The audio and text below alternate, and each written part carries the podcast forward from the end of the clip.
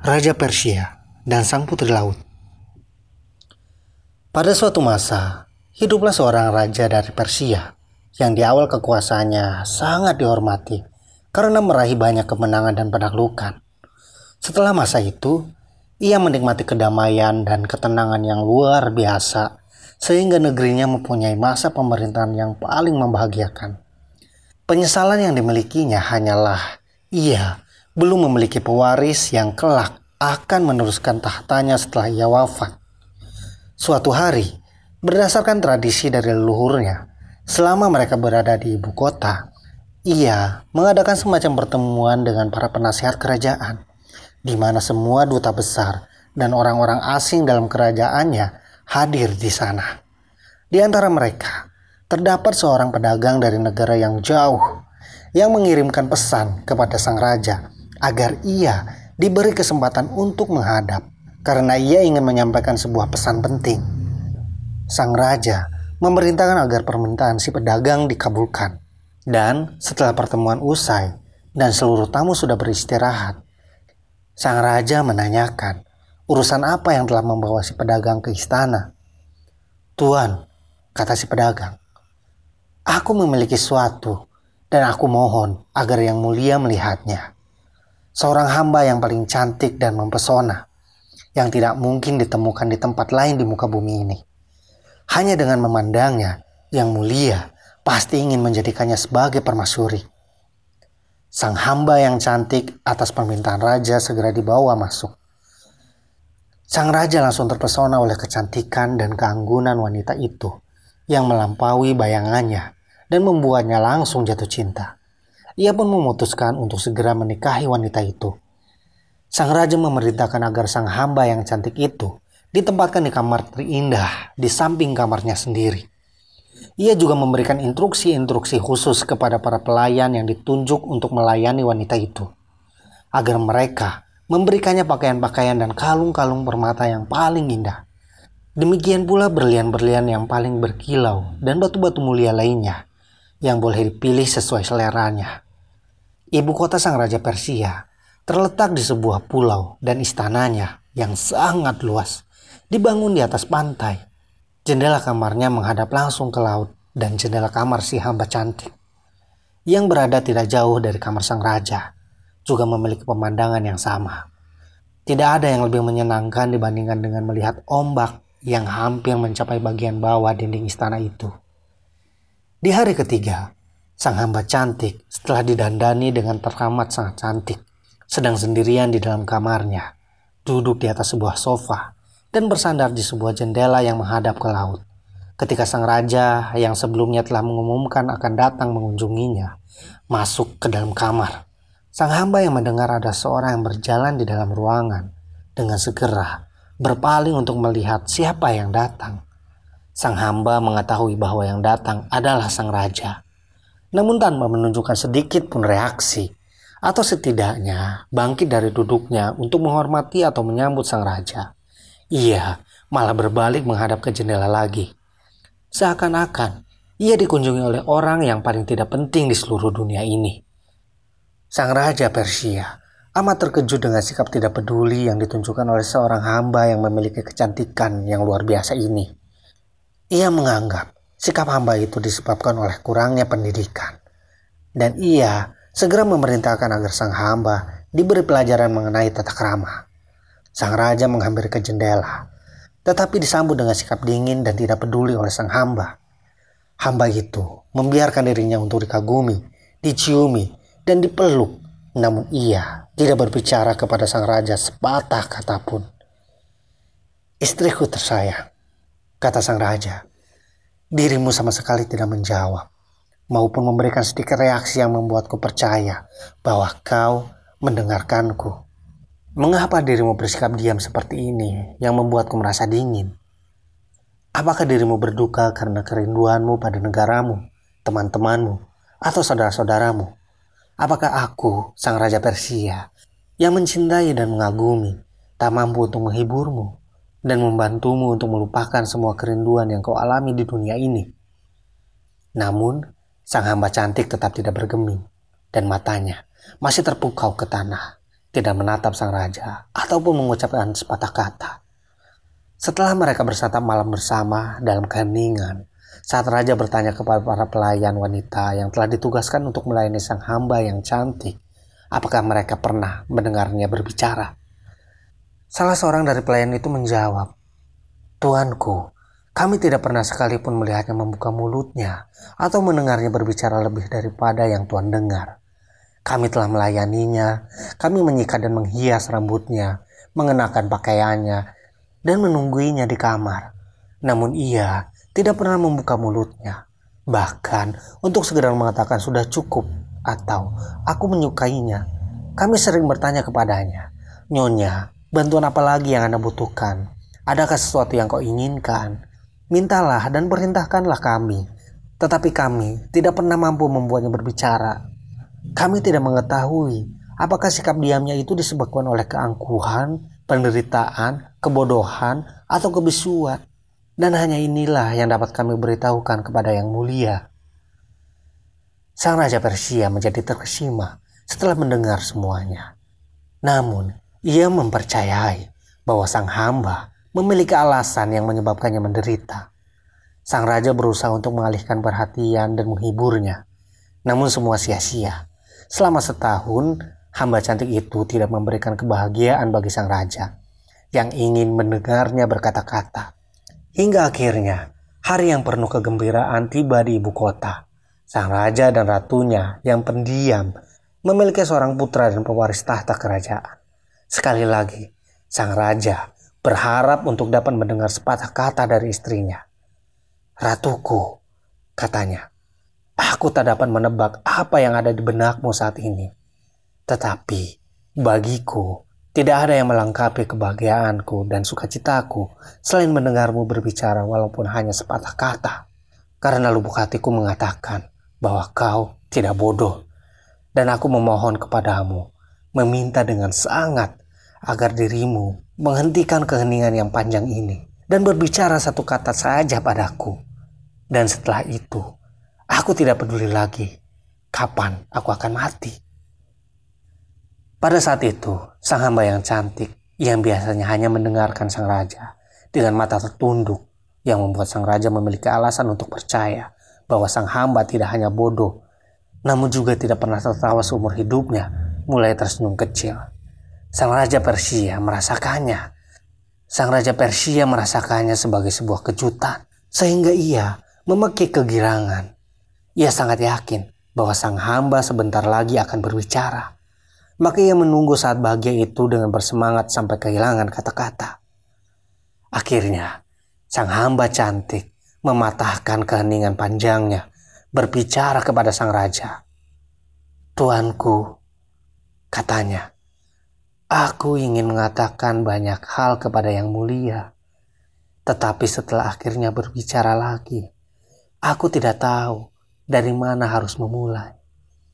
Bagaimanapun, pertama-tama aku wajib berterima kasih kepadamu atas segala pertolongan dan kehormatan yang kau berikan kepadaku.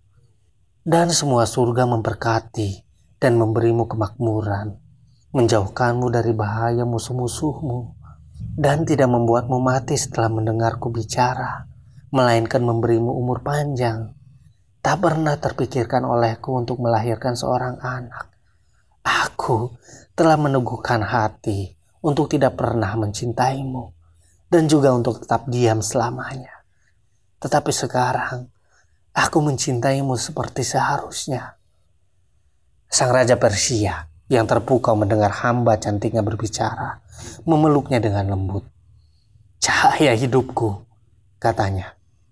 Sungguh, tidak mungkin ku dapatkan kebahagiaan yang melebihi apa yang telah kau berikan padaku. Sang Raja Persia dalam kebahagiaannya tidak berucap sepatah kata lagi kepada hambanya yang cantik. Ia beranjak meninggalkan hamba itu tetapi dengan sikap yang membuat hambanya mengerti bahwa sang raja akan segera kembali. Sang raja menginginkan agar kebahagiaannya disebarluaskan. Maka ia pun segera meminta kedatangan utusan kerajaan.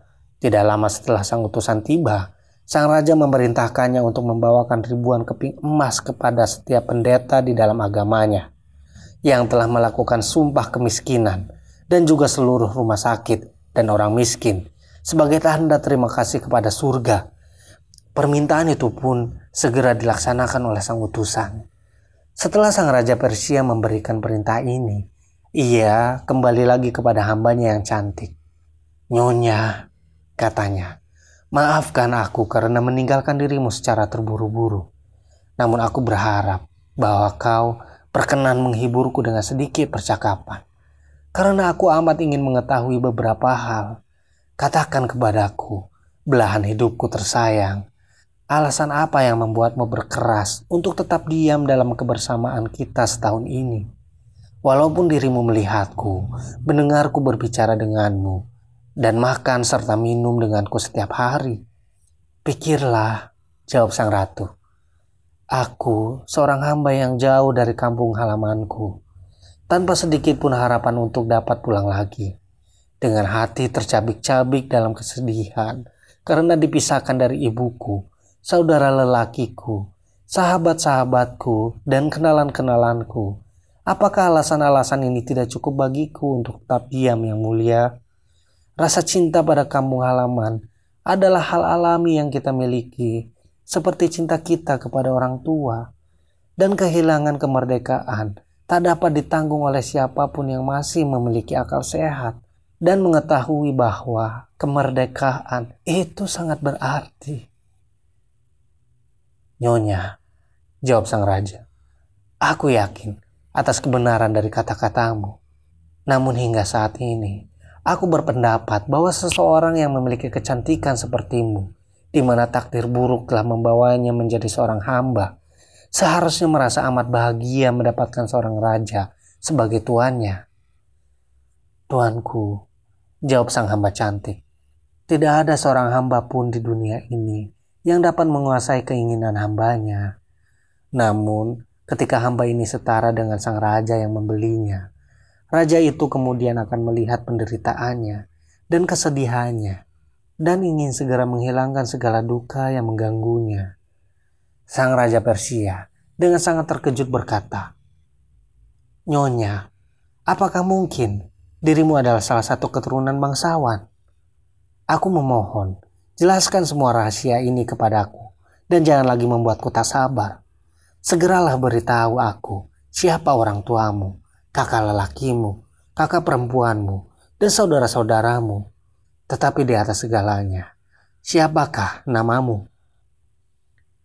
Tuanku, kata hamba cantik. Namaku adalah Gulnare, mawar dari laut, dan ayahku yang telah tiada adalah salah seorang raja di lautan. Ketika meninggal, ia mewariskan kerajaannya kepada kakak lelakiku. Ia bernama Saleh, dan kepada sang ratu, ibuku, yang juga seorang bangsawan, putri dari salah seorang raja lain di lautan. Kami menikmati kedamaian dan ketenangan di seluruh kerajaan, hingga seorang pangeran dari negeri tetangga yang iri akan kebahagiaan kami dan menyerang tempat tinggal kami dengan pasukan yang besar masuk ke dalam ibu kota kami dan menjadikannya penguasa di tempat itu. Kami yang memiliki waktu untuk menyelamatkan diri ke tempat yang tidak dapat ditembus dan dimasuki dengan beberapa perwira yang terpercaya yang tidak meninggalkan kami dalam kesulitan dalam pengungsian ini, kakak lelakiku mencari segala cara untuk menghalau penjajah itu dari tempat tinggal kami. Suatu hari, saudariku, katanya, aku mungkin gagal dalam usahaku untuk memulihkan kembali kerajaanku, dan aku tidak akan peduli dengan itu, tetapi aku peduli dengan keselamatanmu. Sebagai upaya untuk mengamankan dirimu, kau harus menikah terlebih dulu. Namun dalam kondisi yang menyedihkan seperti sekarang ini, Aku tidak melihat kemungkinan untuk melakukan perjodohan dengan salah seorang pangeran dari laut. Dan oleh sebab itu, aku akan sangat senang jika dirimu mau untuk dijodohkan dengan salah seorang pangeran dari daratan, di mana aku siap untuk menggunakan segala kuasa yang kumiliki. Aku yakin tidak ada seorang pun di antara mereka yang cukup kuat. Sebaliknya, mereka akan cukup bangga untuk berbagi tahta dengan dirimu. Perkataan kakak lelakiku itu membuatku menjadi sangat marah. Kakak, kataku, kau mengetahui bahwa aku adalah seorang keturunan bangsawan. Seperti juga dirimu dari kedua orang tua kita, dari raja-raja dan ratu-ratu lautan, tanpa ada campuran dari sekutu yang hidup di darat. Oleh sebab itu, aku tidak berniat untuk menikah dengan mereka yang lebih rendah daripada diriku. Aku tidak akan pernah mengubah pendirianku, apa pun situasinya. Dan jika dirimu gugur dalam melaksanakan rencana yang telah kau buat, Aku lebih memilih untuk mati bersamamu daripada mengikuti saran yang tidak pernah terbayangkan keluar dari dirimu. Kakakku yang masih menginginkan pernikahan itu, namun tidak mendapatkan persetujuan dariku, berusaha keras untuk meyakinkanku bahwa ada raja-raja di darat yang tidak lebih lemah daripada mereka yang dari lautan. Hal ini membuatku menjadi lebih marah, yang membuat kakakku mengatakan beberapa kata keras yang membangkitkan emosiku. Ia meninggalkanku dengan rasa tidak puas dan dengan hati yang marah. Aku melompat dari dasar laut menuju pulau di bulan. Tidak tahan dengan kebencian luar biasa yang membuatku pergi. Aku bersembunyi di pengungsian.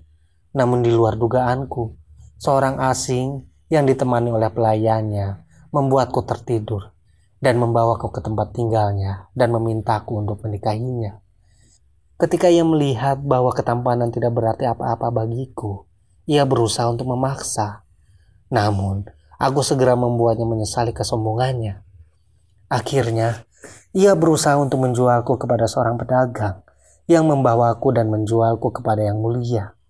Pria itu adalah seorang yang sangat bijaksana, adil, manusiawi, dan selama perjalanan yang panjang itu, tidak pernah sedikit pun membuatku mengeluh.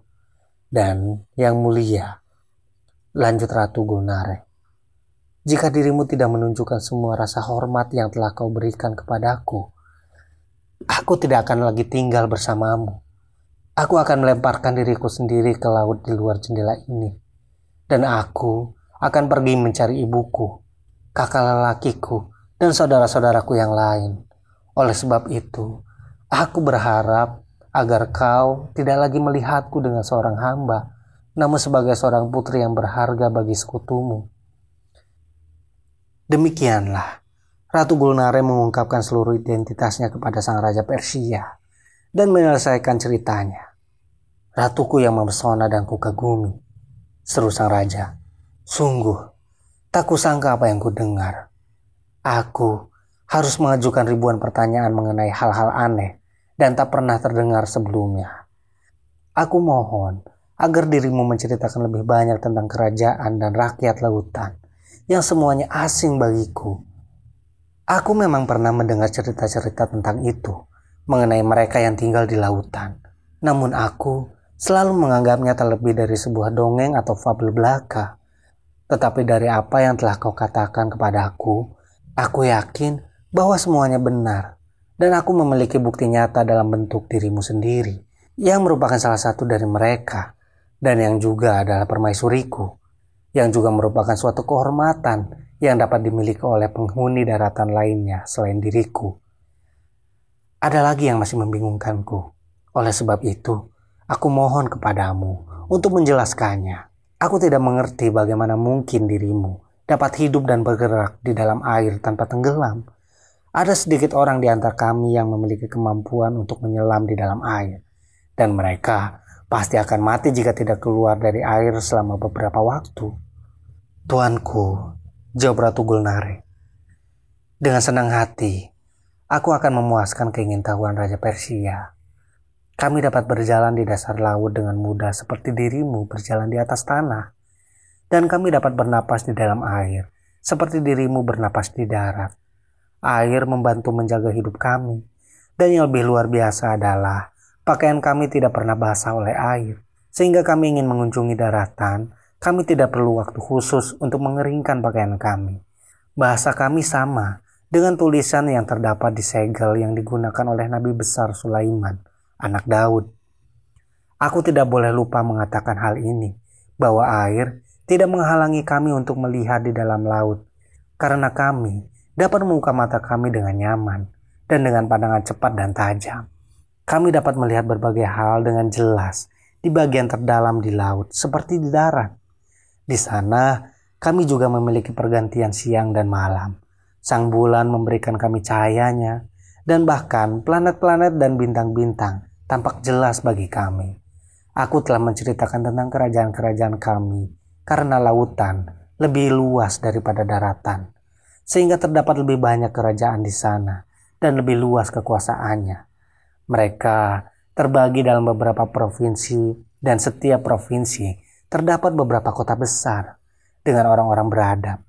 Singkatnya, terdapat jumlah negara dengan kebiasaan dan tradisi yang berbeda-beda, seperti halnya di daratan. Istana-istana para raja dan ratu sangatlah indah dan megah. Beberapa di antaranya terbuat dari marmer aneka warna, yang lainnya terbuat dari batu kristal yang banyak sekali terdapat di lautan, mutiara besar, terumbu karang, dan bahan-bahan lain yang bernilai seperti emas, perak, dan bermacam-macam batu mulia lainnya yang tersedia lebih banyak daripada di daratan. Aku tidak menyebutkan mutiara, karena mutiara terbesar yang pernah ada di daratan bagi kami tidak berharga, dan tidak ada satupun, bahkan dari kasta terendah pun, yang mengenakannya. Kami dapat berpindah ke mana pun kami suka dalam sekejap mata. Kami tidak perlu menggunakan kereta ataupun kuda, bukan karena raja-raja kami tidak memiliki kandang kuda, dan sepasukan kuda laut, tetapi mereka jarang sekali digunakan, kecuali dalam festival rakyat atau perayaan-perayaan tertentu. Beberapa di antaranya setelah kuda-kuda laut itu dilatih, para raja dengan sukacita menungganginya dan mempertontonkan keahlian dan ketangkasan mereka di pacuan kuda. Yang lain menempatkan mereka di kereta kuda yang terbuat dari kulit kerang, berhiaskan berbagai macam kulit kerang laut yang berwarna-warni. Kereta-kereta itu terbuka dan di tengahnya terdapat sebuah singgasana untuk tempat duduk sang raja yang mempertunjukkan dirinya kepada rakyatnya. Kuda-kuda itu dilatih untuk dapat menarik diri sendiri, sehingga tidak perlu kusir untuk mengendalikan mereka. Aku lewatkan saja ribuan rincian yang menarik berkaitan dengan negara-negara laut yang mungkin akan menarik perhatian yang mulia. Tetapi aku akan menyimpan cerita-cerita itu untuk lain waktu, karena aku ingin membicarakan masalah lain yang lebih besar. Aku harus pergi menemui ibuku dan saudara-saudaraku. Dan di saat yang sama, aku juga bertemu dengan kakakku sang raja. Aku ingin sekali memperbaiki hubungan kami. Mereka akan senang sekali bertemu kembali denganku. Setelah aku menceritakan kisahku kepada mereka, dan mereka akan mengetahui bahwa aku adalah seorang permaisuri dari seorang raja besar dari Persia aku memohon kepada Yang Mulia agar mengizinkanku pergi menemui mereka. Aku yakin mereka akan dengan senang hati datang untuk menghormatimu, dan menurutku kau pun juga akan sangat senang bertemu dengan mereka. Nyonya, jawab sang raja Persia, dirimu adalah seorang permaisuri. Lakukan apa yang kau suka. Aku akan berusaha untuk menerima mereka dengan penghormatan yang pantas mereka terima. Tetapi Aku ingin mengetahui bagaimana penyambutan yang kau inginkan untuk mereka dan kapankah mereka tiba, sehingga aku dapat memerintahkan persiapan untuk upacara penyambutan mereka. Tuanku, jawab Ratu Gulnare, tak perlu mengadakan upacara penyambutan khusus. Mereka akan tiba di sini sesaat lagi. Dan jika yang mulia melihat melalui kisi-kisi jendela, kau akan melihat kedatangan mereka. Kemudian, Ratu Gulnare memerintahkan salah seorang pelayannya untuk membawakan sebuah tungku arang dengan bara kecil. Setelah itu, ia berpamitan dan menutup pintu. Saat sudah sendiri, ia mengambil sejumur daun dari sebuah kotak dan menaburkannya di atas bara. Tidak lama setelah muncul kepulan asap, ia mengucapkan kata-kata dalam bahasa yang asing bagi Raja Persia secara berulang-ulang. Dan lautan tiba-tiba bergolak. Ketika itu, lautan tampak menguak dan muncullah dari dasar laut seorang pria muda yang tinggi dan gagah dengan kumis berwarna hijau laut. Tidak jauh di belakangnya, seorang wanita setengah baya dengan aura penuh keagungan didampingi oleh lima orang gadis yang tidak kalah cantiknya dengan Ratu Gulnare. Ratu Gulnare segera beranjak menuju salah satu jendela dan melihat kakaknya sang raja, ibunya sang ratu, dan saudara-saudaranya yang di saat itu bersamaan mendekatinya. Rombongan tersebut melangkah maju, terangkat dari tempatnya semula di atas ombak.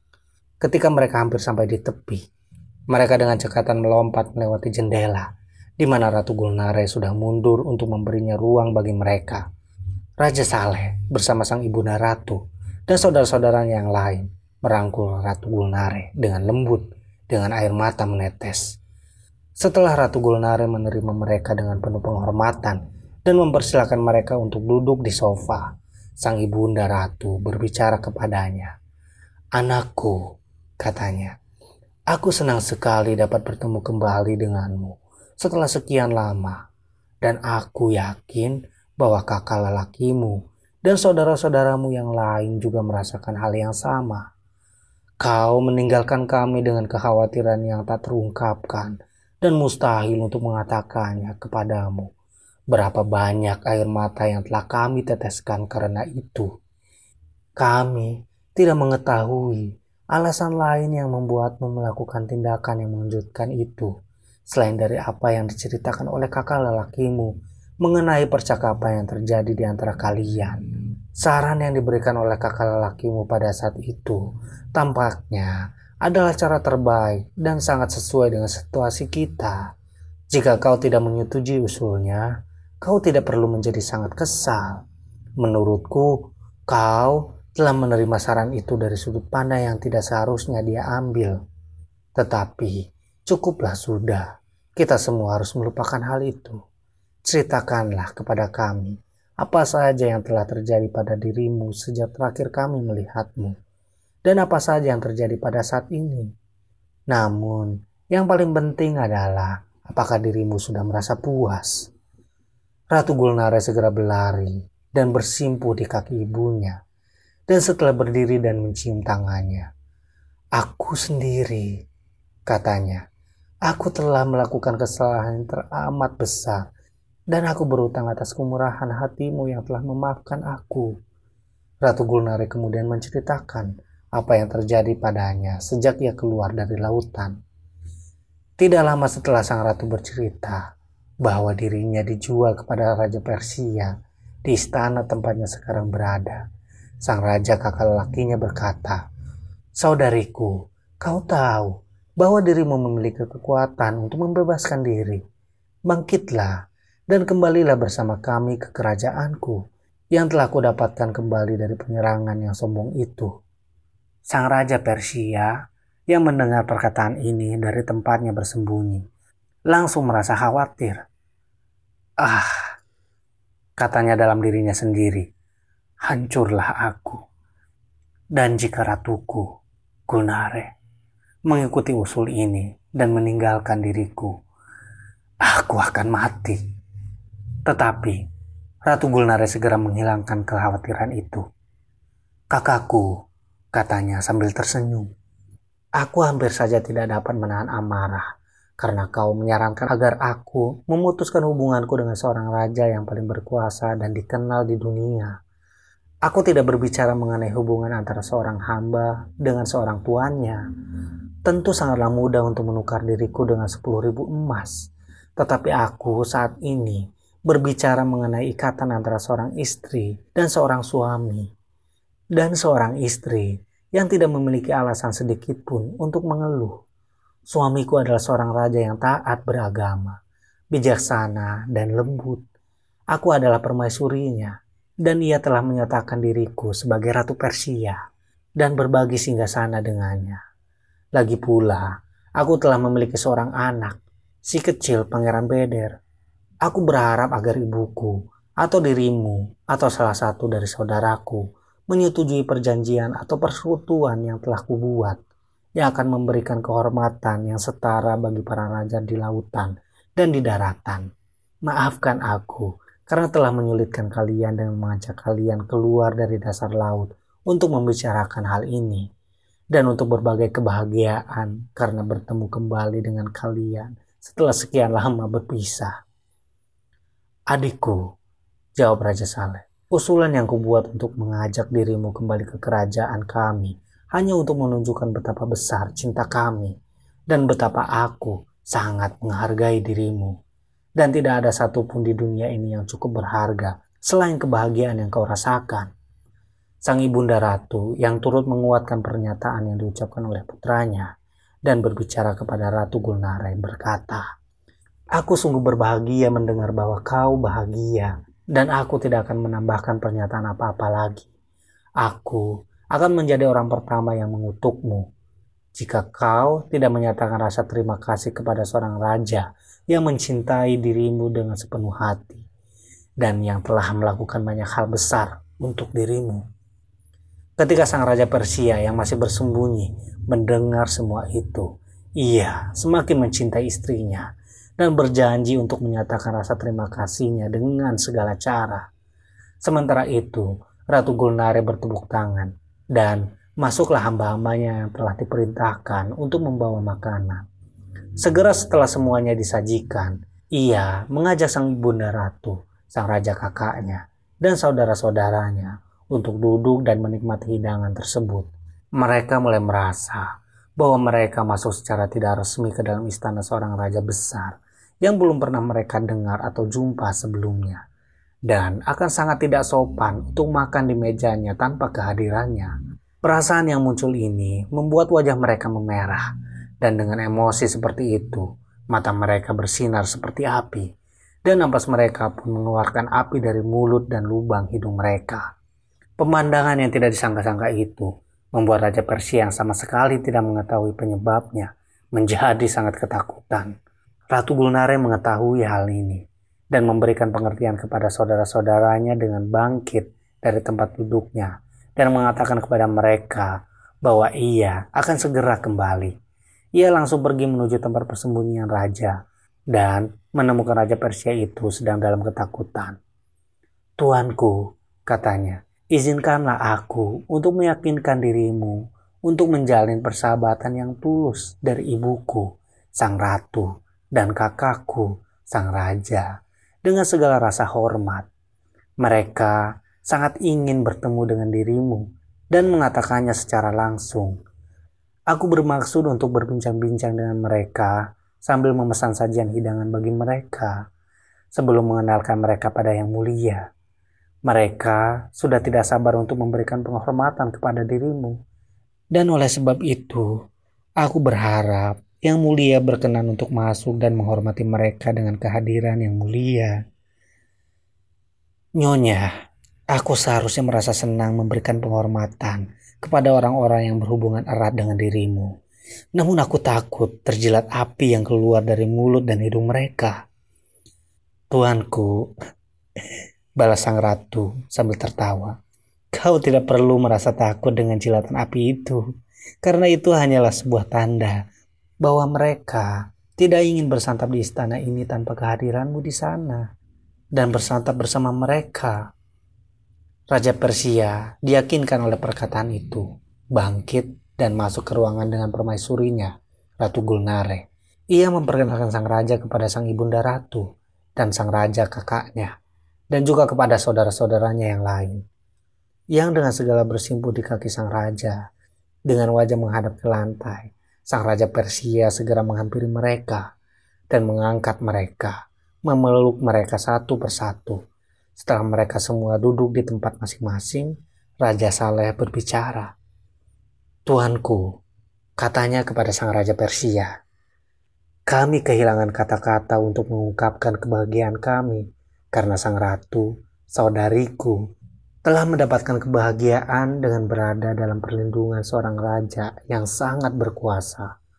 Kami ingin meyakinkan bahwa ia layak mendapatkan posisi tertinggi ini dan kami yang selalu mencintainya serta menyayanginya, tidak pernah berpikir untuk menjodohkannya dengan pangeran berkuasa mana pun dari kerajaan lautan yang sering kali meminta untuk menikahinya sebelum umurnya cukup. Surga telah menjodohkan dirinya dengan dirimu, Tuanku, dan kami tidak dapat membalas segala kebaikan yang telah kau berikan kepadanya, selain mendoakan agar yang mulia dianugerahi usia yang panjang dan hidup bahagia bersamanya, serta kemakmuran dan kegembiraan.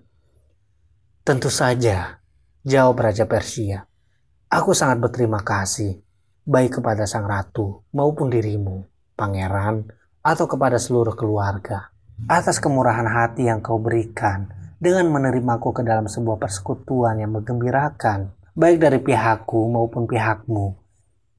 Demikianlah, sang raja mengundang mereka untuk mengambil bagian dalam acara makan bersama, dan sang raja dengan permaisurinya duduk bersama di meja makan mereka. Setelah semuanya berakhir, sang raja Persia mengingatkan bahwa hari sudah larut dan saat mereka hendak mengundurkan diri, sang raja sendiri turun mengantar mereka ke beberapa kamar yang telah disiapkan atas perintahnya. Hari berikutnya, sang raja Persia, Ratu Gulnare, sang ibunda ratu, Raja Saleh, dan para putri sedang berbincang bersama di ruang yang mulia. Sang pengasuh masuk ke dalam ruangan dengan pangeran Beder di pelukannya.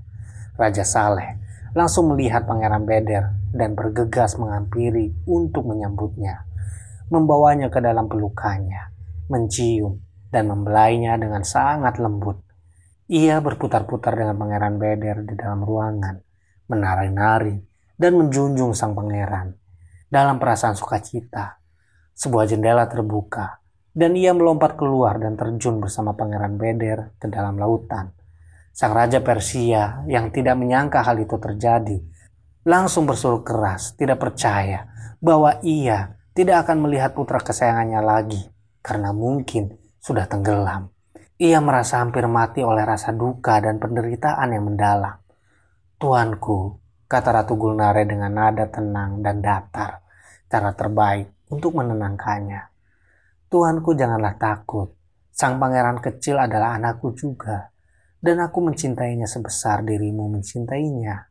Aku melihat bahwa aku tidak panik. Walaupun seharusnya aku merasa demikian. Sang pangeran tidak berada dalam bahaya.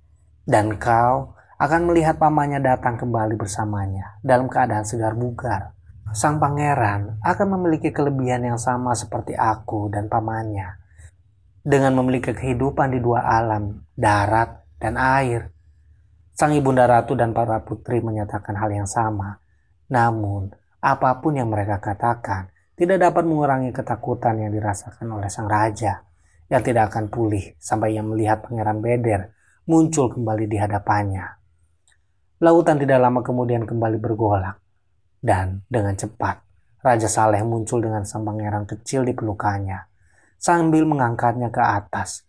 Raja Saleh masuk melalui jendela yang sama saat dia keluar. Saat Raja Persia sangat gembira melihat Pangeran Beder lagi dan tercengang melihat keadaannya tetap tenang seperti saat ia terakhir melihatnya. Raja Saleh berkata, Tuanku, apakah yang mulia merasa sangat takut ketika melihatku terjun ke laut dengan keponakanku, sang pangeran? Ah, pangeran, jawab sang Raja Persia. Aku tidak dapat mengungkapkan rasa prihatinku. Aku yakin ia sudah hilang pada saat itu. Dan kau mengembalikan hidupku saat membawanya kembali. Sudah kusangka demikian. Jawab Raja Saleh. Walaupun sesungguhnya kau tidak perlu merasa khawatir karena sebelum aku terjun ke laut dengannya, aku mengucapkan kepadanya mantra-mantra rahasia yang terukir di segel Sulaiman yang agung, putra Daud. Kami melakukan hal yang sama kepada seluruh bayi yang lahir di dasar laut. Mereka menerima hak yang sama dengan yang tinggal di darat. Dari pengamatan yang mulia, kau dapat melihat kelebihan yang dimiliki oleh Pangeran Beder sejak ia lahir, sampai seumur hidupnya. Dan sesering yang ia suka, ia akan dengan bebas masuk ke dalam dan keluar laut, dan melintasi kerajaan yang luas yang juga merupakan bagian dari jiwanya. Saat berbicara demikian, Raja Saleh yang telah mengembalikan Pangeran Beder ke pelukan pengasuhnya, membuka sebuah kotak yang diambilnya dari istana saat ia hilang tadi. Kotak itu berisi 300 berlian sebesar telur merpati. Sejumlah batu rubi dengan ukuran yang sangat besar. Sejumlah tongkat sihir zamrud masing-masing sepanjang setengah meter dan 30 untayan kalung dari permata yang masing-masing sepanjang 3 meter. Tuanku, katanya kepada Raja Persia, seraya menyerahkan kotak itu. Ketika aku pertama kali dipanggil oleh adikku, aku tidak mengetahui di bagian darat mana ia berada, atau bahwa ia menerima kehormatan untuk menikah dengan seorang raja besar. Karena itu, kami datang dengan tangan kosong. Kami tidak dapat mengungkapkan betapa besar kami beruntung kepada Yang Mulia. Aku memohon agar kau menerima persembahan kecil ini sebagai rasa terima kasih, terutama untuk banyak hal yang telah kau lakukan untuk saudariku.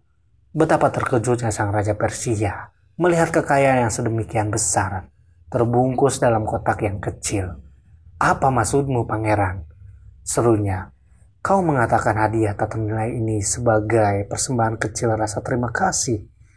Kunyatakan sekali lagi, kau tidak memiliki kewajiban apa pun terhadapku. Begitu pula Ibunda Ratu, Nyonya. Lanjutnya berpaling ke Gulnare. Kakakmu membuat diriku bingung, dan aku akan memohon kepadanya untuk mengizinkan aku menolak persembahannya, karena aku tidak ingin bersikap tidak sopan padanya. Maukah kau menyuruhnya pergi agar aku bisa menolak semua pemberiannya. Tuanku, jawab Raja Saleh. Aku tidak terkejut melihat Yang Mulia berpikir bahwa persembahan ini sangat luar biasa. Aku tahu bahwa di daratan kau tidak terbiasa melihat sedemikian banyak dan besar batu mulia. Namun, perlu kau ketahui bahwa tambang-tambang tempat permata-permata ini diambil dan kuasa yang kumiliki untuk mengumpulkan harta ini lebih banyak daripada semua tambang dan kuasa raja yang ada di darat. Oleh sebab itu, aku memohon agar kau tidak menganggapnya sebagai persembahan yang luar biasa, melainkan tawaran persahabatan yang tulus yang kami berikan kepadamu, dan tidak memberikan aib bagi kami dengan menolaknya. Hal ini menyebabkan Ratu Persia terpaksa menerima hadiah tersebut, dan ia mengucapkan terima kasih kepada Raja Saleh dan Ibunda Ratu. Beberapa hari setelah itu, Raja Saleh memberitahu Raja Persia bahwa sang Ibunda Ratu, para putri, dan dirinya sendiri merasa senang untuk terus tinggal di istananya. Namun, mereka telah pergi cukup lama dari kerajaan mereka sendiri, sementara kehadiran mereka juga dibutuhkan di sana. Maka, mereka memohon kepada Raja Persia untuk tidak sakit hati jika mereka berpamitan untuk pulang. Raja Persia menyatakan penyesalannya karena tidak dapat membalas kunjungan ke kerajaan mereka. Namun ia menambahkan, karena aku amat yakin bahwa kalian tidak akan melupakan ratu. Datang dan tengoklah dia kapan pun kalian suka. Aku sendiri berharap akan mendapat kehormatan dengan bertemu kalian kembali. Perpisahan di antara kedua keluarga tersebut diiringi oleh air mata. Raja Saleh berangkat terlebih dahulu tetapi Bunda Ratu dan para putri tertahan karena mereka masih dalam pelukan Ratu Gulnare yang tidak dapat melepaskan kepergian mereka.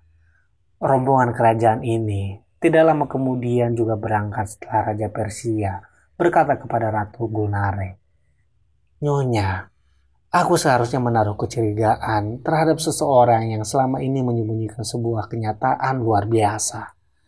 Dan aku melihat sendiri kenyataan itu selama kunjungan keluargamu di istana ini.